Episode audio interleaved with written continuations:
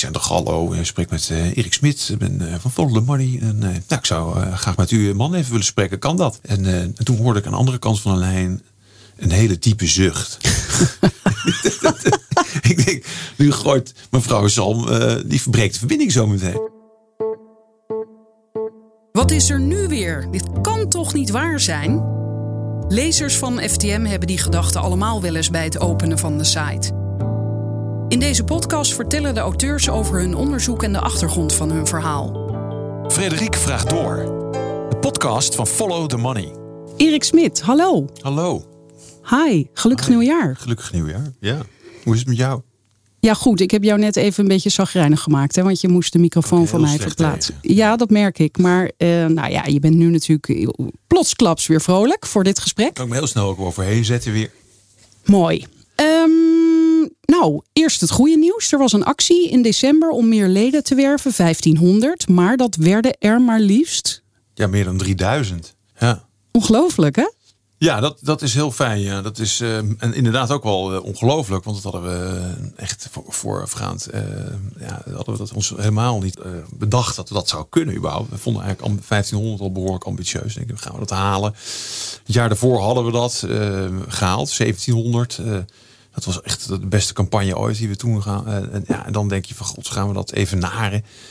Het is toch anders weer. Een maand ervoor ging het ook al iets minder. Dus we dachten van nou, uh, best wel ambitieus. Uh, maar we hadden een mooie campagne opgezet. En nou ja, de combinatie natuurlijk ook gewoon met een paar artikelen die natuurlijk de aandacht trekken. Dus dat, dat maakt het gewoon dat het.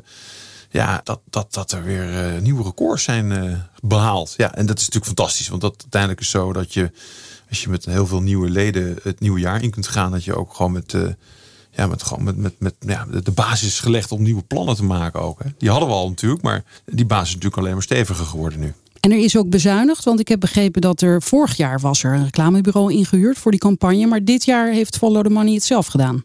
Ja, nou ja, ik vind dat je moet proberen altijd om. Uh, met mij vinden dat natuurlijk uh, Jan-Willem Sanders en Arne van der Wallen natuurlijk ook. Hè, dat, we, dat we zoveel mogelijk geld natuurlijk aan de journalistiek besteden dus we hebben inderdaad een, een reclamebureau uh, een keer uh, ingehuurd. En dat, dat was ook nodig. We moesten wel wat leren. En dat ging toen ook goed, dus dat, dat betaalde zich ook uit. En, daar hebben we ook veel van geleerd. Uh, en, en, maar wij dachten vorig jaar van nou, volgend jaar kunnen we dat zelf. En nou ja, het blijkt ook wel, want dit was de meest succesvolle campagne tot nu toe. Dus dat, dat is goed gegaan.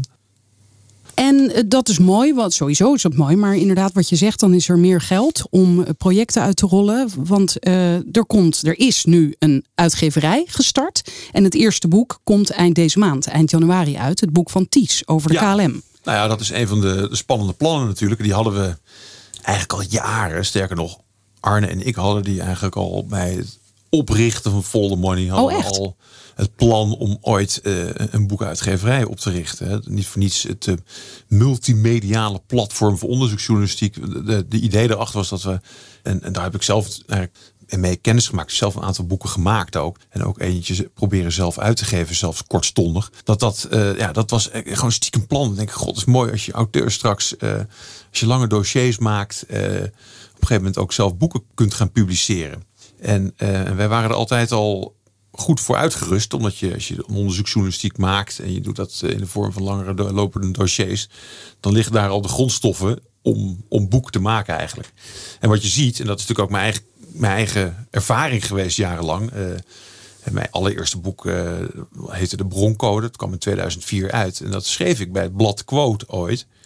En ik werd gescout eigenlijk door ja, een uitgever die niet door bij Quote onderdeel van Quote uitmaakte podium. Joost Nijssen, die benaderde mij vrij kortstondig nadat het verhaal in 2001 uitkwam. En ik dacht dan bij mezelf, waarom toen al? Van waarom doet quote dat niet zelf? Uh, dus een uitgever die komt naar me toe. En, en hij verdient dan ook alles. Ja, die, die, die, die neemt dat, uh, ja, uh, eigenlijk dat werk wat in, in dienstverband is gemaakt ter hand. En ja, dat is eigenlijk best wel een gekke constructie. Dus later heb ik toen in 2010 kwam Nina uit. Dat boek dat wilde ik in eerste instantie zelf uitgeven. Dat vond ik toen wel iets te riskant. Ook met dreigende en later ook werkelijk waarheid geworden rechtszaken. Nina Brink. ja, Nina Brink, uh, thans Storms geheten. En uh, ja, dus dat, dat, daar kwam toen Prometheus, de uitgeverij, die uh, had het lef om dat, dat boek uit te geven. ja, dat is ook een jaar dat, dat, dat Follow Money begon. maar wij waren toen nog helemaal niet van het niveau dat je dat al meteen ook dat al kon doen. Wij moesten eerst maar eens bedenken hoe we überhaupt een, een journalistiek platform in de lucht kregen. En nou, dat, hebben we, dat heeft ons jaren gekost. Uh, dat mogen duidelijk zijn. Maar inmiddels, uh, ja, in 2020 dachten we echt van nou, nu gaat het goed genoeg. We gaan het nu ook echt doen, die uitgeverij. En daarbij hadden we natuurlijk een prachtig voorbeeld inmiddels. En dat is de correspondent. Die is vaker een voorbeeld voor ons geweest. En die waren al jaren bezig met het uitgeven van eigen boeken.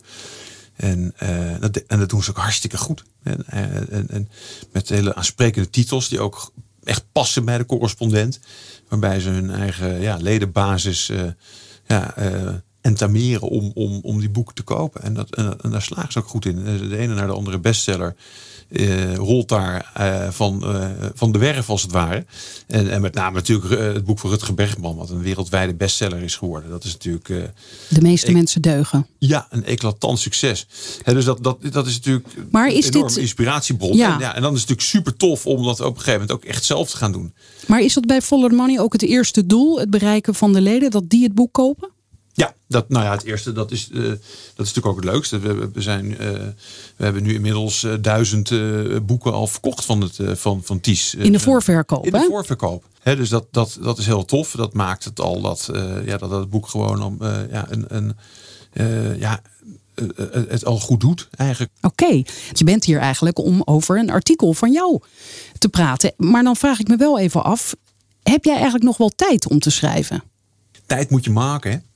Ja. Uh, nee, de tijd is uh, schaars ja, voor mij. Ja, dat klopt. Uh, maar het is, kijk, ik, ben ik heb ook voorkennis, want ik weet dat wij eigenlijk in december dit gesprek zouden opnemen. Ja, Nee, dus eigenlijk is, weet ik het antwoord al. Ja, het is, het is, het is, het is af en toe schipperen. En het is, kijk, ik bedoel, ik ben uh, ja, mede-ondernemer hè, met, met Jan Willem en Arne samen. Ik ben uh, co-hoofdredacteur. En, maar ik wil, en dat, dat is waarom ik dit vak ben ingegaan, uh, natuurlijk boven alles ook nog journalist blijven. Ik, ik moet stukken maken. Ik ben, dat, is, dat is mijn raison d'être. Ik, ik vind het ongelooflijk belangrijk dat ik zelf ook nog, als het ware, op het veld sta en, en meedoe.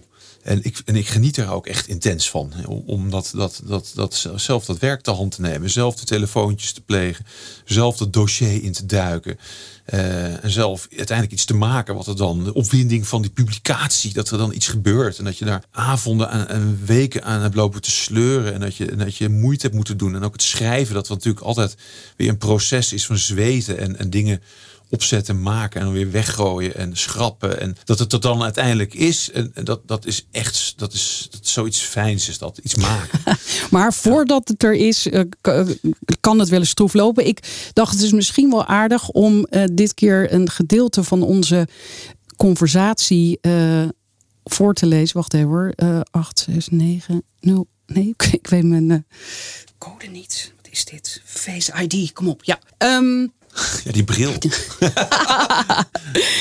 Om een stukje van onze conversatie uh, voor te lezen. Dus ik schreef van, uh, hi, hoe gaat het met het artikel over Gerrit Zalm? Dat wordt wel wat, schrijf jij. Dan zeg ik, oké, dus woensdag gaat door, mooi. Mag ik het morgen lezen? Hoeft niet af te zijn. Nou, wordt einde van de dag voordat ik iets af heb. Is dat oké? Vraag jij. En dan zeg ik ja. In welk dossier komt het? Dan ga ik dat eerst even doornemen.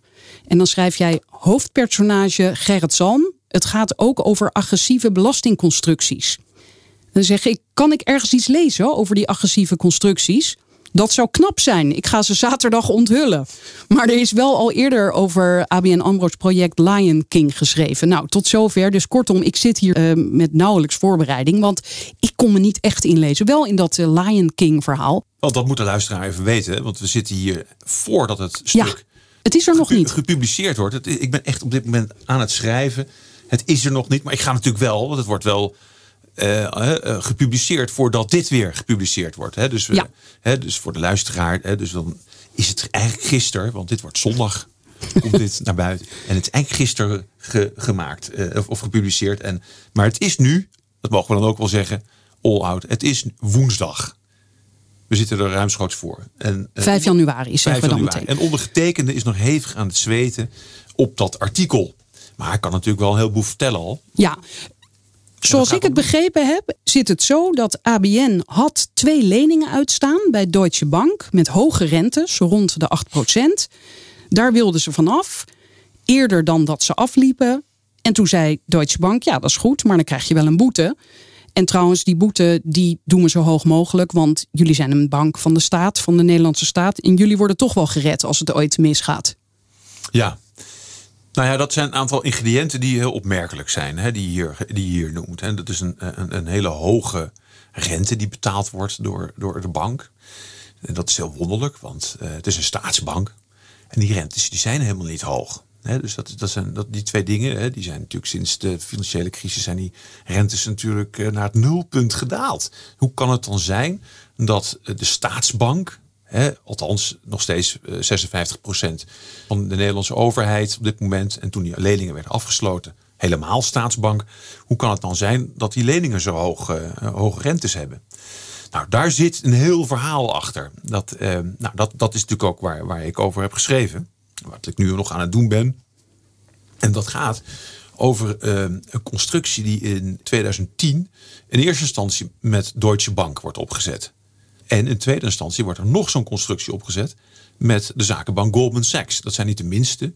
Dat zijn twee agressieve zakenbanken die uh, op Wall Street eigenlijk uh, ja, de personificatie zijn zeg maar, van, van dat agressieve zakenbank hier. Deutsche Bank met name heel erg sterk vertegenwoordigd op het, uh, ja, op het gebied van derivaten. In de aanloop van de crisis waar zij een van de grootste derivatenbanken ter wereld. Nou, zoals wij inmiddels weten, of misschien nog kunnen herinneren, waren die derivaten natuurlijk een van de grote redenen, oorzaken van diezelfde financiële crisis. Ja, en kort gezegd zijn die derivaten die onbegrijpelijke producten, voor de meeste mensen onbegrijpelijk. Ook zelfs voor mensen bij de banken. Ja, dat zijn vaak het zijn hele ingewikkelde uh, geconstrueerde uh, producten. En uh, nou, daar, daar is die, die, die zakenbank een, een meester in om die uiteindelijk op te zetten en massaal te verkopen. Daar zet de Deutsche Bank in begin jaren 90 zwaar op in.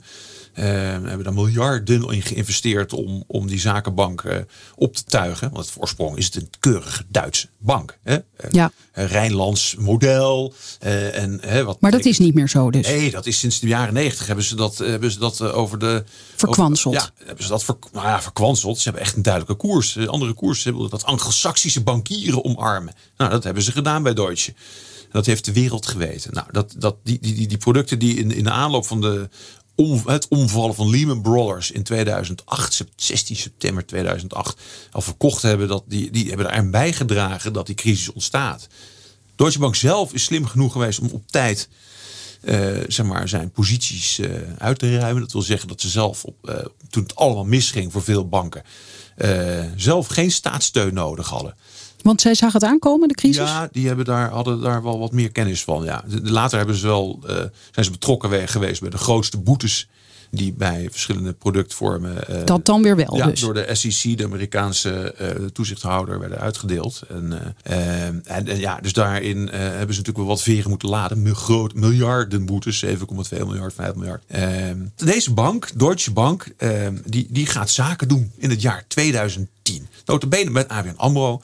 Wat natuurlijk geen schimmer is van de bank die het ooit was. Hè? Want die bank is in 2007 uit elkaar getrokken door hè, dat bankentrio. Dat roemruchte bankentrio. Banco Santander, uh, Royal Bank of Scotland. En niet te vergeten Fortis. Nou, dat gaat die Fortis, die, dat, dat is een Belgische bankverzekeraar die zich natuurlijk uh, die verslikt in die overname van, van ABN AMRO. Dat gaat natuurlijk met de bankencrisis helemaal mis en moet overgenomen worden. En dat gebeurt. Het moet gered worden door de Nederlandse overheid en ook een deel door die Belgische overheid. En wij nemen een, een, stuk over, het, het Nederlandse deel van, van Fortis Bank en, en natuurlijk ABN AMRO. Dat wordt samengesmolten. De man die dat moet samensmelten heet Gerrit Sam. Die wordt de nieuwe leider van die bank in 2009, in december 2009. Wordt hij door Wouter Bos, een opvolger, wordt hij daarvoor uitgekozen. En hij moet er natuurlijk een brave bank van maken. Een hele brave bank. En het is ook een kleine bank geworden. Ze, ze sparen, uh, doen ze. En ze verkopen vooral hypotheken. Hebben een heel klein, piepklein internationaal onderdeel. Uh, wat er nog is. Uh, onder andere een, een maar was dit, was dit konden ze niet anders of was dit bewust van jongens, we gaan weer even heel klein beginnen? Nou ja, het was natuurlijk ook, het was nog maar een derde van, van de omvang van wat het ooit was.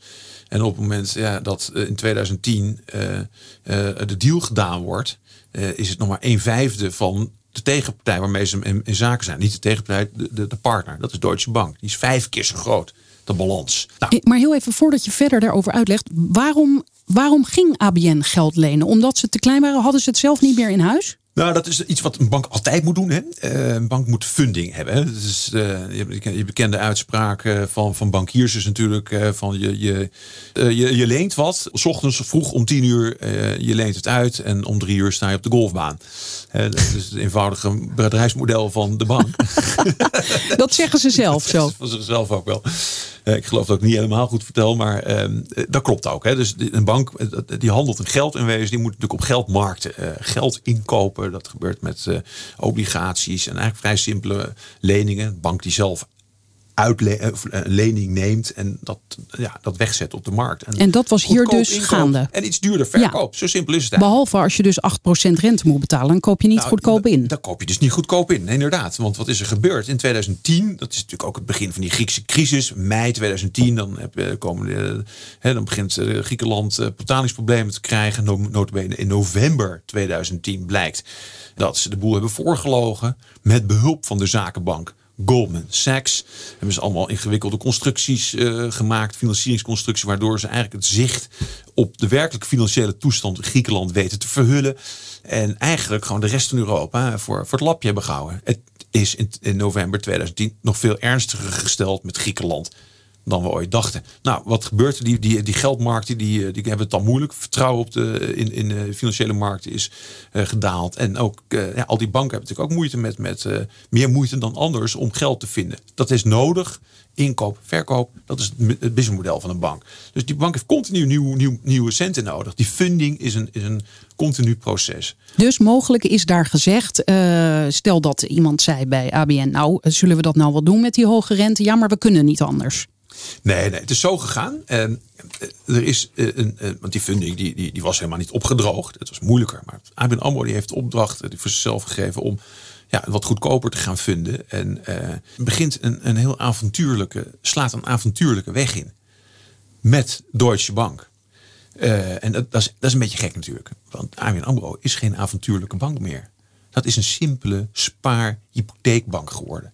En Zalm heeft een opdracht gekregen van de Nederlandse overheid. Maak er ook een saaie bank van.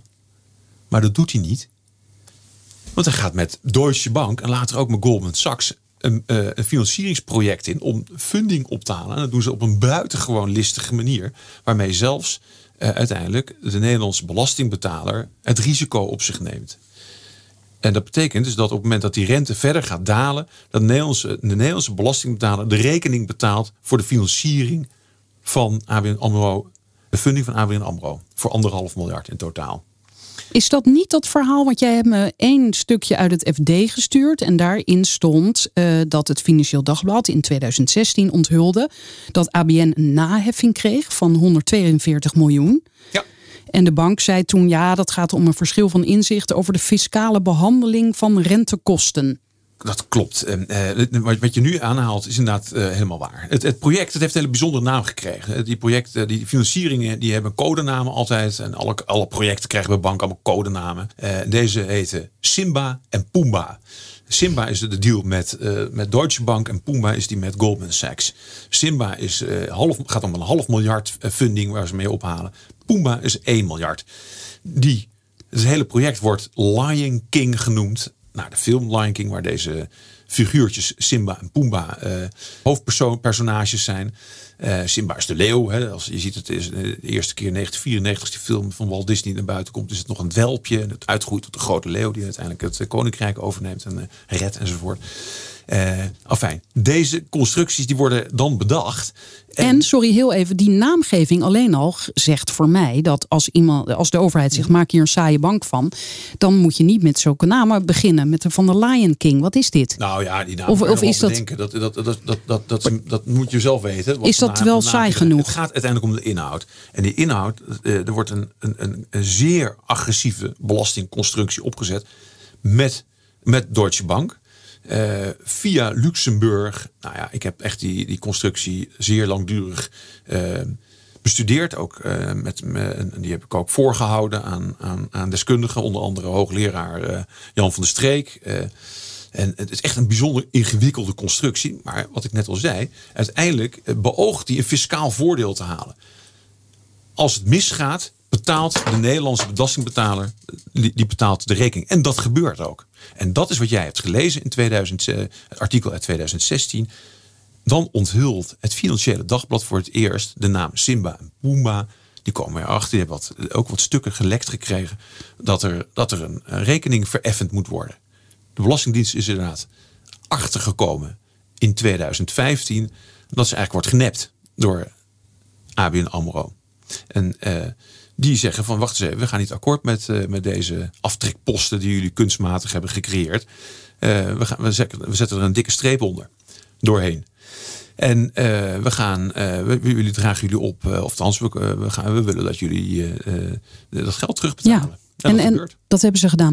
Nu vraag ik me af, het opmerkelijke gegeven dat ze überhaupt die transacties zijn aangegaan voor die hoge rente, hebben ze misschien tegen elkaar gezegd: ja, die rente is hoog, maar wij gaan hier fiscaal eh, voordeel bij halen.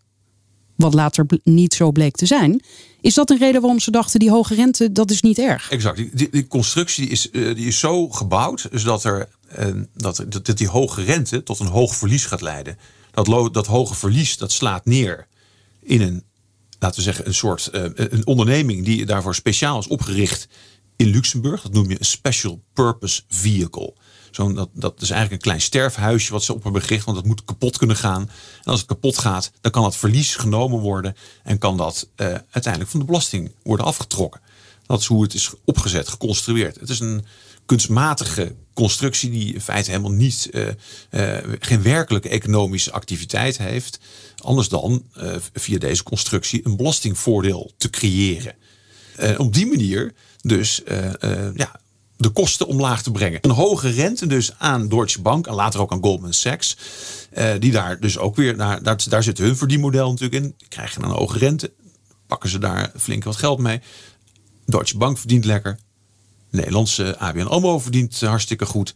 Uiteindelijk uh, is de fiscus uh, de pineut. Uh, en wij dus, de, de belastingbetaler.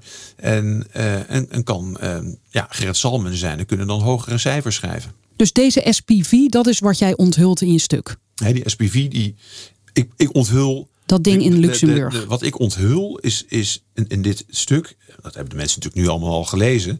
Is, allemaal, ja. Allemaal, alle luisteraars. Ja, en, en, uh, en, die, hebben, die hebben gelezen dan nu dat, dat, dat die constructie op deze manier is opgezet. Dat is nog nooit eerder onthuld. De, via Luxemburg? Ja, nou. Of überhaupt? het gaat op de, de essentie van de constructie. De intentie van de constructie. De intentie, oké. Is, is om een belastingvoordeel. Ja. Te, en, en ik, ik, ik onthul de details waarmee dat is gebeurd.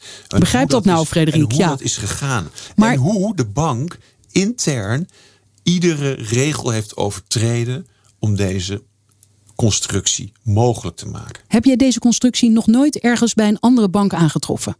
Nou, niet zelf. Nou weet ik wel dat deze constructies in de jaren negentig al vaker gehanteerd werden. Het zijn hele, ja, het zijn hele smerige constructies natuurlijk. Waarmee uh, ja, de belastingbetalers uh, genept worden. Wij weten natuurlijk, jij weet natuurlijk van mij dat ik wel vaker mijn neus steek in zaken waarmee banken belastingbetalers neppen. De Comex-affaire is daar natuurlijk een goed voorbeeld van. Daar is ABN AMRO ook uitgebreid bij betrokken. dus dat gebeurt uh, op veel grotere schaal. En, en deze manier van constructies, uh, dat is echt typisch, wordt gebruikt om inderdaad uh, financiering voor zichzelf op te halen. Voor eigen rekening notabene.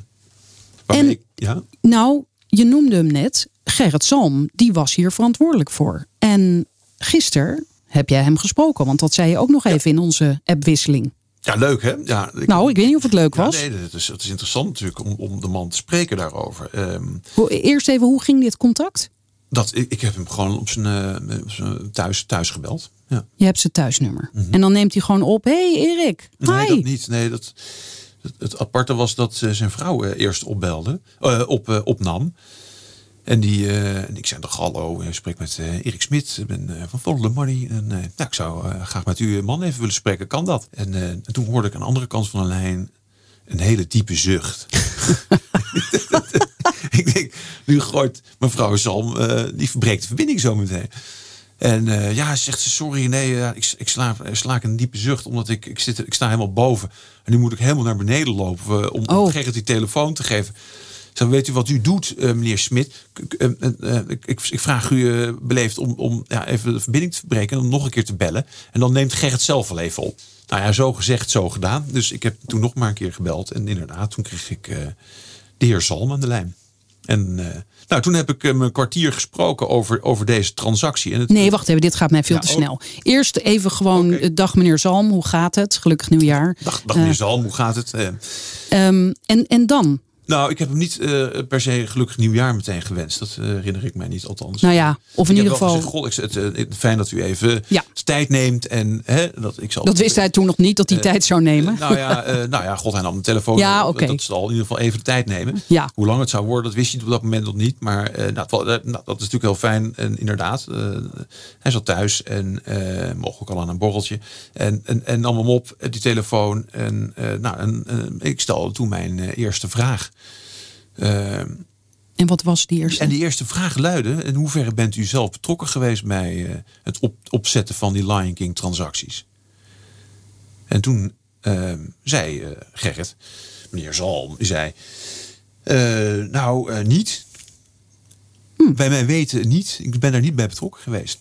Hij wist wel meteen waar je het over had. Hij wist wel meteen waar ik het over had. Want deze transacties hebben natuurlijk binnen de bank ja. tot grote ophef geleid. Daar is zelfs een, een, een intern uh, groot onderzoek naar gepleegd. Waarbij de, de, opsporings, de interne opsporingsdienst van ABN AMRO is ingeschakeld.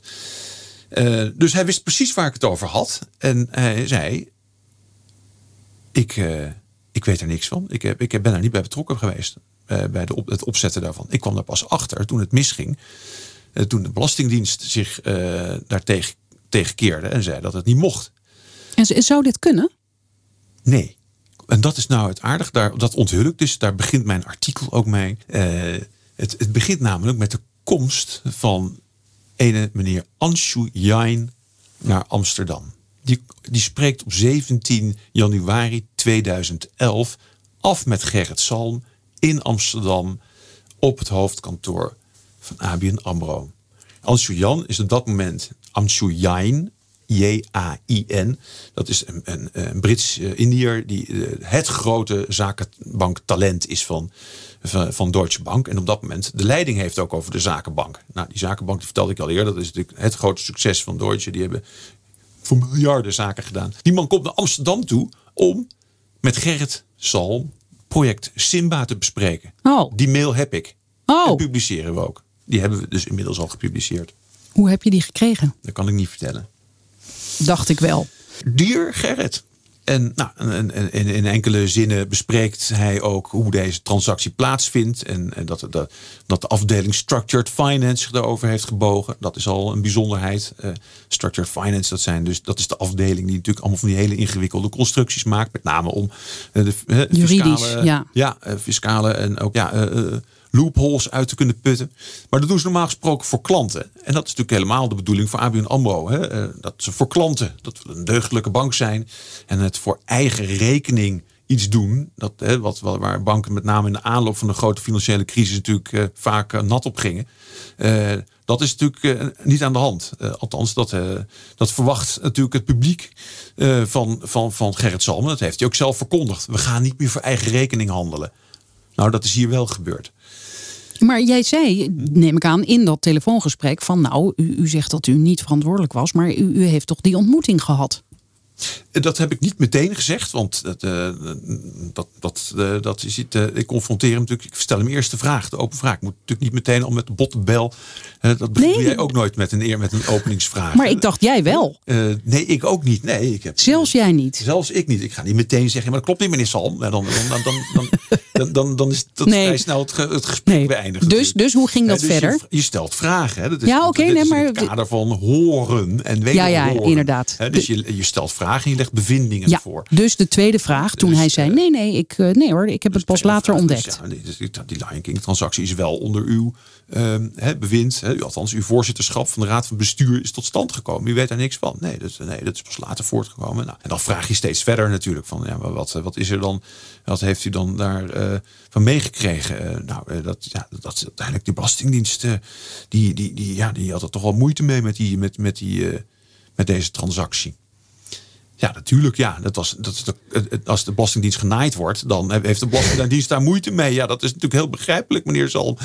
Eh, Vandaar dat die miljoenen zijn betaald als boete. Ja, die moesten, nou geen boete, want ze hebben een terugbetaling moeten doen. Oké. En, en de, de grap is natuurlijk dat je, als je het heel slim doet als bankier, dan laat je het bij zo'n constructie een legal opinion maken.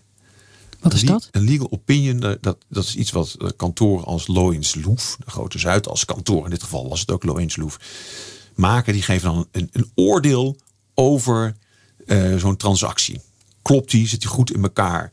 En eh, ze geven een oordeel over uiteindelijk of zo'n reactie, of zo'n zo'n constructie voor een Nederlandse rechter stand zal houden. Mocht die ooit door de Belastingdienst daar worden voorgelegd. Ja, precies. En je? toen kennelijk kwamen ze erachter, nou, dat gaat geen stand houden, dus betaal maar. Nee, Loyens Loef, die heeft die opinie gegeven. En die zegt dat is een prima transactie. Doe oh. maar. oh, Nou, dan heb je in feite je verzekering al binnen. Dan, dan, dan, nou, zo heet dat. Dan heb je een pleitbaar standpunt verworven. Dus de toen. verzekering. Dat, ja, kost, dat kost, kost een paar ton hoor. Zo'n, zo'n, zo'n, zo'n, maar dan heb je ook wat. Dat, eh, maar niet heus, want later bleek dus dat. Nou, jawel, want je hebt bijvoorbeeld heb je al wat. En dat is, dat is, het wordt automatisch eigenlijk een spel zonder nieten. Dat is echt een, een, kwestie waar we in Nederland nog aan zouden moeten werken. een Met spel zonder nieten, Een spel zonder nieten. Want wat, wat, wat is er nu aan dat ken ik niet. En, en eh, dit spel zonder nieten gebeurt dan. eh, om, je, hebt, je, gaat, je, scha- je vaart met een hele agressieve belastingconstructie scherp aan de wind. Maar omdat je een legal opinion koopt van een Zuidas kantoor. Die daar heel veel geld aan verdient ook. Loyens Loef.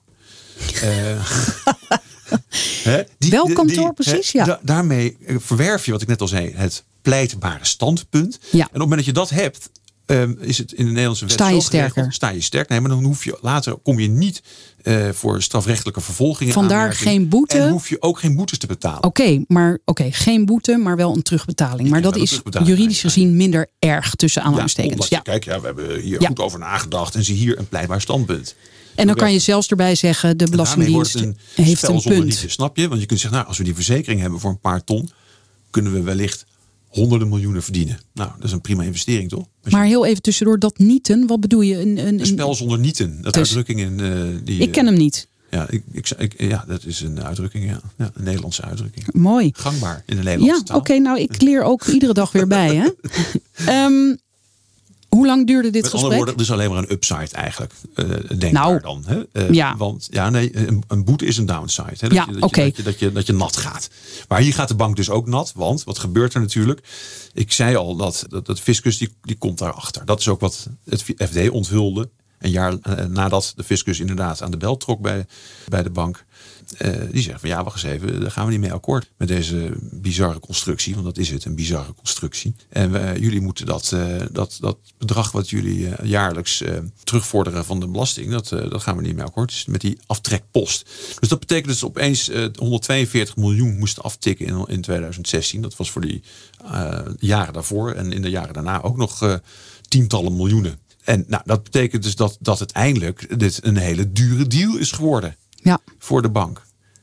En dat met eigenlijk een soort van casino-bankieren Gerrit Zalm en zijn in 2010, 2011 en 2012, de periode waarin deze deals Simba en Pumba worden gedaan, met het geld van de belastingbetaler is gaan gokken. Casino-bankieren noem je dat. Dat is nou precies de opdracht die die niet kreeg. die niet kreeg. Hij kreeg van Wouter Bos in 2009, nee, in 2000, december 2008, de opdracht mee om er een saaie, degelijke bank van te maken. Dat is wat hij ook iedereen heeft verteld altijd. En dat is wat duidelijk hier in deze zaak natuurlijk niet aan de hand is. En wat ook later blijkt, want eh, eh, Salm is samen met medebestuurders Chris Vogelzang en ook eh, Joop Wijn, ook een voormalig politicus, CDA, als voormalig staatssecretaris, eh, zijn ze onderwerp van strafrechtelijk onderzoek inmiddels. Hè. Dus het, uh, maar dat gaat over uh, het witwassen, dacht ik. Dat gaat over het, het, het zeer verwijtbaar nalatig zijn bij het oplossen van dit soort dossiers. Dit, Ook dit dossier. Dit, dit dossier is, is een voorbeeld van hoe nalatig uh, maar ik dacht wel. Salm en de zijnen zijn. Sterker nog, ze creëren dit dossier. Maar ik dacht dat uh, in april of mei 2021 uh, werd bekend dat het OM een onderzoek heeft ingesteld naar deze heren. In zaken het niet goed optreden tegen witwassen van de bank. Maar dit zit daar de bank al had bij. een enorme boete gekregen, ja. 480 miljoen. En, en de bank kwam daarmee af. Dat is een, dat noem je dan een, een, een ja, uh, god, ik kom even niet op het woord, maar een, een schikking. Hè. Nou, hup, met de Belastingdienst, pats met de overheid, 480 miljoen. Maar uitzonderlijk vergelijking met ING, waar de bestuurders er in eerste instantie van mee wegkwamen, worden hier wel de bestuurders door het Openbaar Ministerie onderzocht, strafrechtelijk. Ja, maar, maar zit deze kwestie daar ook al bij? Nee. Ik twijfel daar niet aan. Dat weet ik niet, niet precies, want ik weet natuurlijk niet wat, nee. wat het Openbaar Ministerie maar, in handen heeft. Maar in aanloop naar dit gesprek uh, heb ik nog even geluisterd naar een gesprek met uh, Stefan Vermeulen over die witwasconstructies bij ABN. Dat was vlak voordat dit bekend werd, dat het OM onderzoek deed. En hij zei toen: Ik kon niet spreken met Zalm. Ik sprak met zijn advocaat. En die zei: Ja, uh, nu dit onderzoek loopt, kunnen we daar niks over zeggen. Het feit dat Zalm jou nu wel te woord stond over deze constructies, zou misschien kunnen zeggen dat die constructies niet onder de loep liggen bij het OM. Of vergis ik me? Um, ja, je kunt ook anders denken. Je kunt ook denken dat misschien meneer Zalm uh, onhandige uitspraken heeft gedaan. Aha, maar dan kom ik even terug op wat jij eerder noemde. Ik dacht, waarom zeg jij dit? Misschien zat hij al aan een borreltje. Is dat een uh, aanwijzing? Uh, ja, nou, het is, het is, van Gerrit Zalm wel bekend dat hij zo rond een uur of, uh, of vijf een, een, glaasje whisky pleegt te pakken. Pleegt te pakken, maar, ja, maar erbij. waarom zei jij dit expliciet nou, erbij? Ja, het is natuurlijk niet zo verstandig natuurlijk om dan over zo'n gevoelig dossier, in, in, als je al onderwerp bent van strafrechtelijk onderzoek, naar uitspraken over te doen. Dat klopt. Maar dat heeft hij wel gedaan.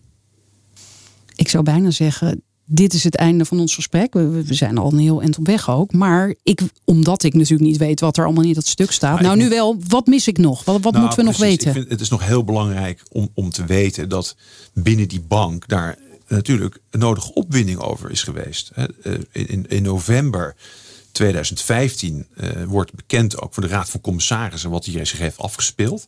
Nou, die, die, die zijn natuurlijk hoogst verbaasd dat deze constructie ineens opeens aan het licht komt. En dat die Belastingdienst daar uh, uh, niet mee akkoord gaat. Het gaat om een totaal mogelijk om, op dat moment om rond 300 miljoen. Uh, die even met de Belastingdienst vereffend moet worden. Dat is nogal wat. Dus die Raad van Commissarissen die slaat stijl achterover zegt wat is hier? En nou, die spreken af de, direct de volgende dag af na die meeting. Het gaat om 5 november 2015. De volgende ochtend roept de voorzitter van de Raad van Commissarissen, Baron Rick van Slingerland, uh, een, een, spoedvergadering bijeen om wederom het gedragingen van, van de eigen bankiers onder ogen te nemen. Wederom, datzelfde jaar had je natuurlijk dat hele gedoe rondom die salarisrel, hè, die bonusrel. Ja. Toen was er ook al een, spoedvergadering. Nou, nu ging het over de Lion King transactie. Nou, en, en deze transactie is, is een, heeft geleid intern tot, bij de bank tot, tot grote frictie. Daar zat een van de commissarissen zat achter. Uh, die moest daar het onderzoek naar. Die werd belast met het onderzoek daarnaar. Dat was uh, Olga Zoutendijk. En uh, die werd eind van dat jaar ook benoemd tot vicevoorzitter. En is in 2016 ook de, de, voorzitter van de Raad van Commissarissen geworden. En zij heeft daar gas op gegeven. En nou, dat heeft tot grote frictie geleid in de bank. Sterker nog, zij is op een gegeven moment weggegaan of moest ja, weg. Ze is, ze, ze is min of meer uit de, de, de bank geschopt door de opvolger van. Uh... Want ze was te kritisch. Ja, dus de, uh, dat kan je wel zeggen. Ja, ze was zeer kritisch. En, uh, maar ja, nu blijkt zeer terecht. En dat is misschien wel een mooi slot. Dankjewel. Ja, graag gedaan. Ja, lees het verhaal gewoon. En, en, ja, en ik, kan, ik, ik, kan, ik, nee, maar dat nee, weet ik. Grapje. Nee, maar, Tuurlijk. En ik kan beloven dat, dit, uh, dat er nog meer verhalen aan gaan komen. Nee, toch nog even, Erik. Uh, hoe eindigde dat gesprek nou? Nou, ik heb, ik heb natuurlijk de belangrijkste vragen gesteld. Um, um, kijk, dit, dit, hele verhaal van Lion King, uh, ja, daar, daar, wordt dus groot onderzoek naar gedaan. Er komt een, een, boekwerk wordt er geproduceerd met alle bevindingen, alle feiten op tafel. en ja, die, deze transactie die deugt natuurlijk voor geen meter. En dat erkent Gerrit Salm nu ook. Hij erkent dat het een slechte deal was. Dat hadden we nooit moeten doen. Dat erkent hij volmondig nu. Dat is heel bijzonder, want dat gebeurde niet in 2016. Toen zei de Raad van eh, Bestuur, onder leiding van Gerrit Salm, deze deal die klopt, die deugt. En wat is nou de uitleg van Gerrit Salm? Die zegt hier gewoon, ja, wij hadden tegen de fiscus gezegd dat uh, moesten we sterk staan voor, uh, voor deze transactie. Weliswaar een, een, een, schikking gemaakt, maar we moesten wel sterk staan voor, wat, voor wat wij dachten dat, dat het een correcte deal was. En nou, dezelfde lijn hanteren we intern. Nou, dat is, dat is een, een knettergekke redenering. Dat betekent dus eigenlijk dus dat je gewoon tegen je eigen raad van commissarissen en andere toezichthouders moet liegen over de aard van deze constructie. Dat is overigens ook gebeurd. En dus dit, dat, dit is een bizarre ontknoping. De man vertelt gewoon dat hij er spijt van heeft. En, uh, en hij zegt ook letterlijk van ik zou mijn opvolgers nooit aanraden om dergelijke transactie aan te gaan. Maar dit betekent dan ook dat hier het laatste woord echt. bedoel, hij geeft nu zelf dit toe. Dus gaat hij daarvoor. Hij geeft het nu zelf gestraft worden. Dus, uh, uh, nou, hij ontkende dus dat hij ermee te maken had. Hè? Dat is natuurlijk iets wat in die kring natuurlijk wel vaker voorkomt. Ik bedoel, uh, althans in VVD-kringen. Je hebt veel macht, maar je neemt geen verantwoording. Dat is hier ook een beetje het geval. Maar in dit geval heb ik aantoonbaar hard dat Gerrit Salm van de hoed en de rand wist. Getuige de e-mail van Anshu Jain, die ik in bezit heb. En ja, die iedereen nu kan bekijken. Met de groeten van Anshu. ftm.nl. Oké, okay, dit is het echte einde. Het graafwerk van Follow the Money wordt mogelijk gemaakt door leden, niet door adverteerders. Ook lid worden? Ga naar ftm.nl. Dankjewel.